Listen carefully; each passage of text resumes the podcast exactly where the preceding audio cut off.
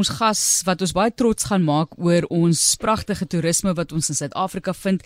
Ek dink dit is nog steeds die grootste toeriste aantreklikheid in Suider-Afrika as ek reg onthou, soos wat ek uit my kop uit ook vandag hier praat, maar dit is die wêreldverantwoordelike toerisme toekenninge en die VNA Waterkant het daarso gewen in Londen. Ons vind bietjie meer uit van Henry Matthys. Ek weet julle praat eintlik van waterfront, né, nee, Henry? Dit is julle keuse, nie waterkant nie. Ek het nou net soos julle um, vroeër verduidelik het waterkant het ek ook gedink as 'n nou waterkant of waterfront. So hopelik met my ehm um, gebroke Afrikaans kan ek my waterfront sê vandag. Jong, ek dink dit werk albei kante toe, maar ek het op 'n stadium met iemand vir my van julle kantore gesê hulle julle verkies nog steeds waterfront. Maar goed, dit nou daar gesê baie geluk terloops om hierdie massiewe toekenning te kry. Vertel vir ons van die toekenning in Londen? Ehm um, man, hierdie hierdie toekenning in Londen, ehm um, is die ehm um, World the World Responsible Tourism Awards wat hulle elke jaar ehm um, hou um, hierdie jaar in Londen.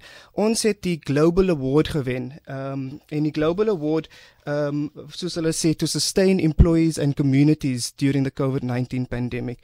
En jy kan mos nou, nou natuurlik dink um Martelies is regtig kleinhandelsbesighede um werksnemers wat nou die ergste beïnvloed was deur die COVID-19 pandemie. Ons besigheid het baie vinnig gereageer um om vir al die die um die the most affected in ons ekosisteem um te help. Ja, en dit is eintlik 'n ekosisteem. Dis hierdie baie groot area.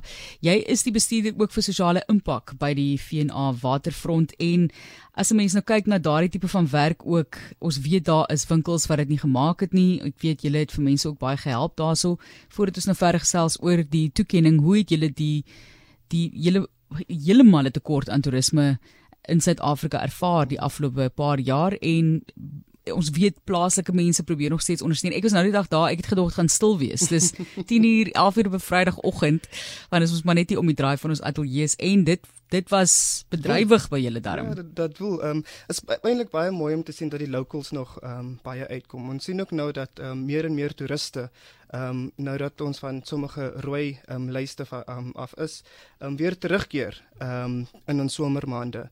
Ehm um, man Martelies ehm um, in die gewone um, loop van dinge het ons so enigiets tussen 60 tot 80 000 mense um, wat by die waterfront um, kom kuier elke dag. Um, ons is nog die nommer 1 um, tourism destination um, in Southern Africa um, en ons verwelkom um, voor COVID-19 so 24 miljoen besoekers elke jaar.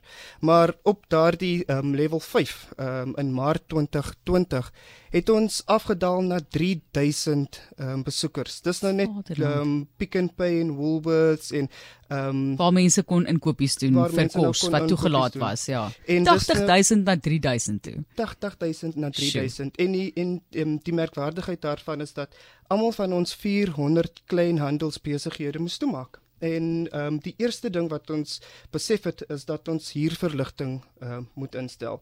So oor die tydperk het ons vir ons ehm um, kleinhandelsbesighede oor 20 miljoen rand se huurverligting aangebied. Dis nou die eerste ding. Ons het toe met ehm um, sommige van ons um, partners soos die departement van ekonomiese ontwikkeling en toerisme ehm um, gou-gou 'n plannetjie bygeslaan om vir al die besighede in die um, in die tourism affected ehm um, sektore te help. Ja. Ons gesels met julle want daar is hierdie toekenning wat julle gekry het en verskeie projekte wat julle aanpak ook spesifiek op volhoubaarheid. Dis 'n groot groot kwessie in terme van toerisme wêreldwyd dat daar gekyk moet word na ag men eenvoudige goeder soos toegang tot water sonder dat dit 'n plastieke plastiek botteltjie is. Jy weet daar's klein dinge wat 'n mens aan moet dink. Hier wanneer jy by die huis is, sal jy dalk nog jou items herwin, maar nou gaan toer jy. Hoe maak jy nou? Sit jy al daai dinge maar in jou tas en vat dit huis toe en dit maak natuurlik ook geen sin nie want dit weeg iets en dan beteken dit weer 'n die die die vlug wat geneem word, 'n swaarder draak baie kompleks. So gee net vir ons 'n idee van julle hoof projekte wat gelei het tot hierdie toekenning. Hmm. Ek ehm um, ehm um, gesels ehm um, eintlik vanoggend met Petro daar van ons um, kantoor. Ehm um, Petro werk met ehm um, waste management. Ehm um, en ons het baie uh, baie groot um, indrukwekkende program waar ons kyk na water ehm um, um, wat ons um, gebruik. Ons kyk na al die elektrisiteit wat ons gebruik. Ehm um, en al die waste ehm um, hulle hulle noem dit mos so in Engels the nexus between waste ja. water and energy al daai afval nee al uh, wat wat uh, presies ja so ons het nou um, veral vir al die herwinning het ons nou um, tot op 34% ehm um, ehm um, van al die die ehm um, waste wat ons nou herwin. Ehm um, ons water het ons ehm um, heelwat deur die die ehm um, drought ehm um, nou 2 jaar gelede het ons heelwat afgedaal en ons kyk ook ernstig na ehm um, solar electricity ehm um, reg oor die ehm um, eiendom. Maar wat vir ons baie baie ehm um, indrukwekkend was oor hierdie um, tydtermyn was kos en voedsel. Kos en voedsel was seker een van die grootste probleme wat ons ehm um, aangetref het um, gedurende hierdie COVID-19 pa, um, pandemie. Wat ons vinnig besef het is dat ons ehm um, aan die markeind van die ehm um, van die voedselstelsel sit en hoe ons hierdie mark en hierdie al die hierdie restaurante, ons hotelle en so aan 'n bietjie nader kan bring aan small scale farmers. Jy weet so, hoe kan ons hierdie hierdie pandemie gebruik om te dink aan die volhoubaarheid van ons voedselstelsel? Ons het uh, baie vinnig 'n uh, vennootskap saamgestel met 'n paar van ons restaurante. Ons is mos daar naby aan ons is um, Oranje City Farm Market en ons het 'n paar van hulle ehm um, farmers ehm um, nader gebring en oor die 130 000 ehm um, meals ehm um, ehm um, aangeslaan ja, ja. in sommige van ons dooie um, kombuise um, gedurende hierdie tyd.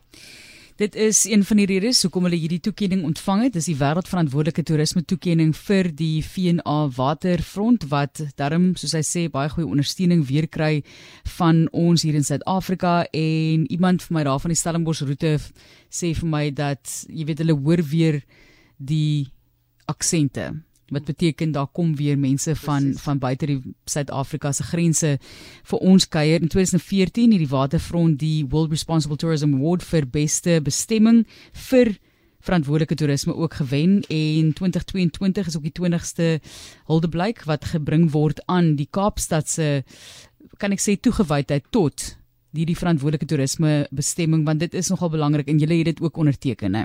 Ehm um, ja, dit is eintlik in Kaapstad geteken um, in 2014.